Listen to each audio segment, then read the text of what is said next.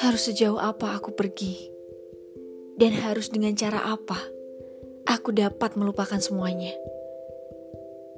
Semua perjalanan terberatku untuk berpaling darimu sudah kulalui.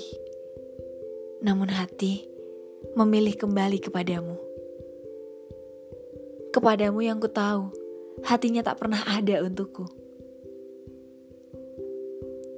Memang kala itu ragamu selalu bersamaku. Namun separuh hatimu tak benar-benar bersamaku. Kini kita sudah di jalur hidup kita masing-masing. Dan kurasa sudah cukup.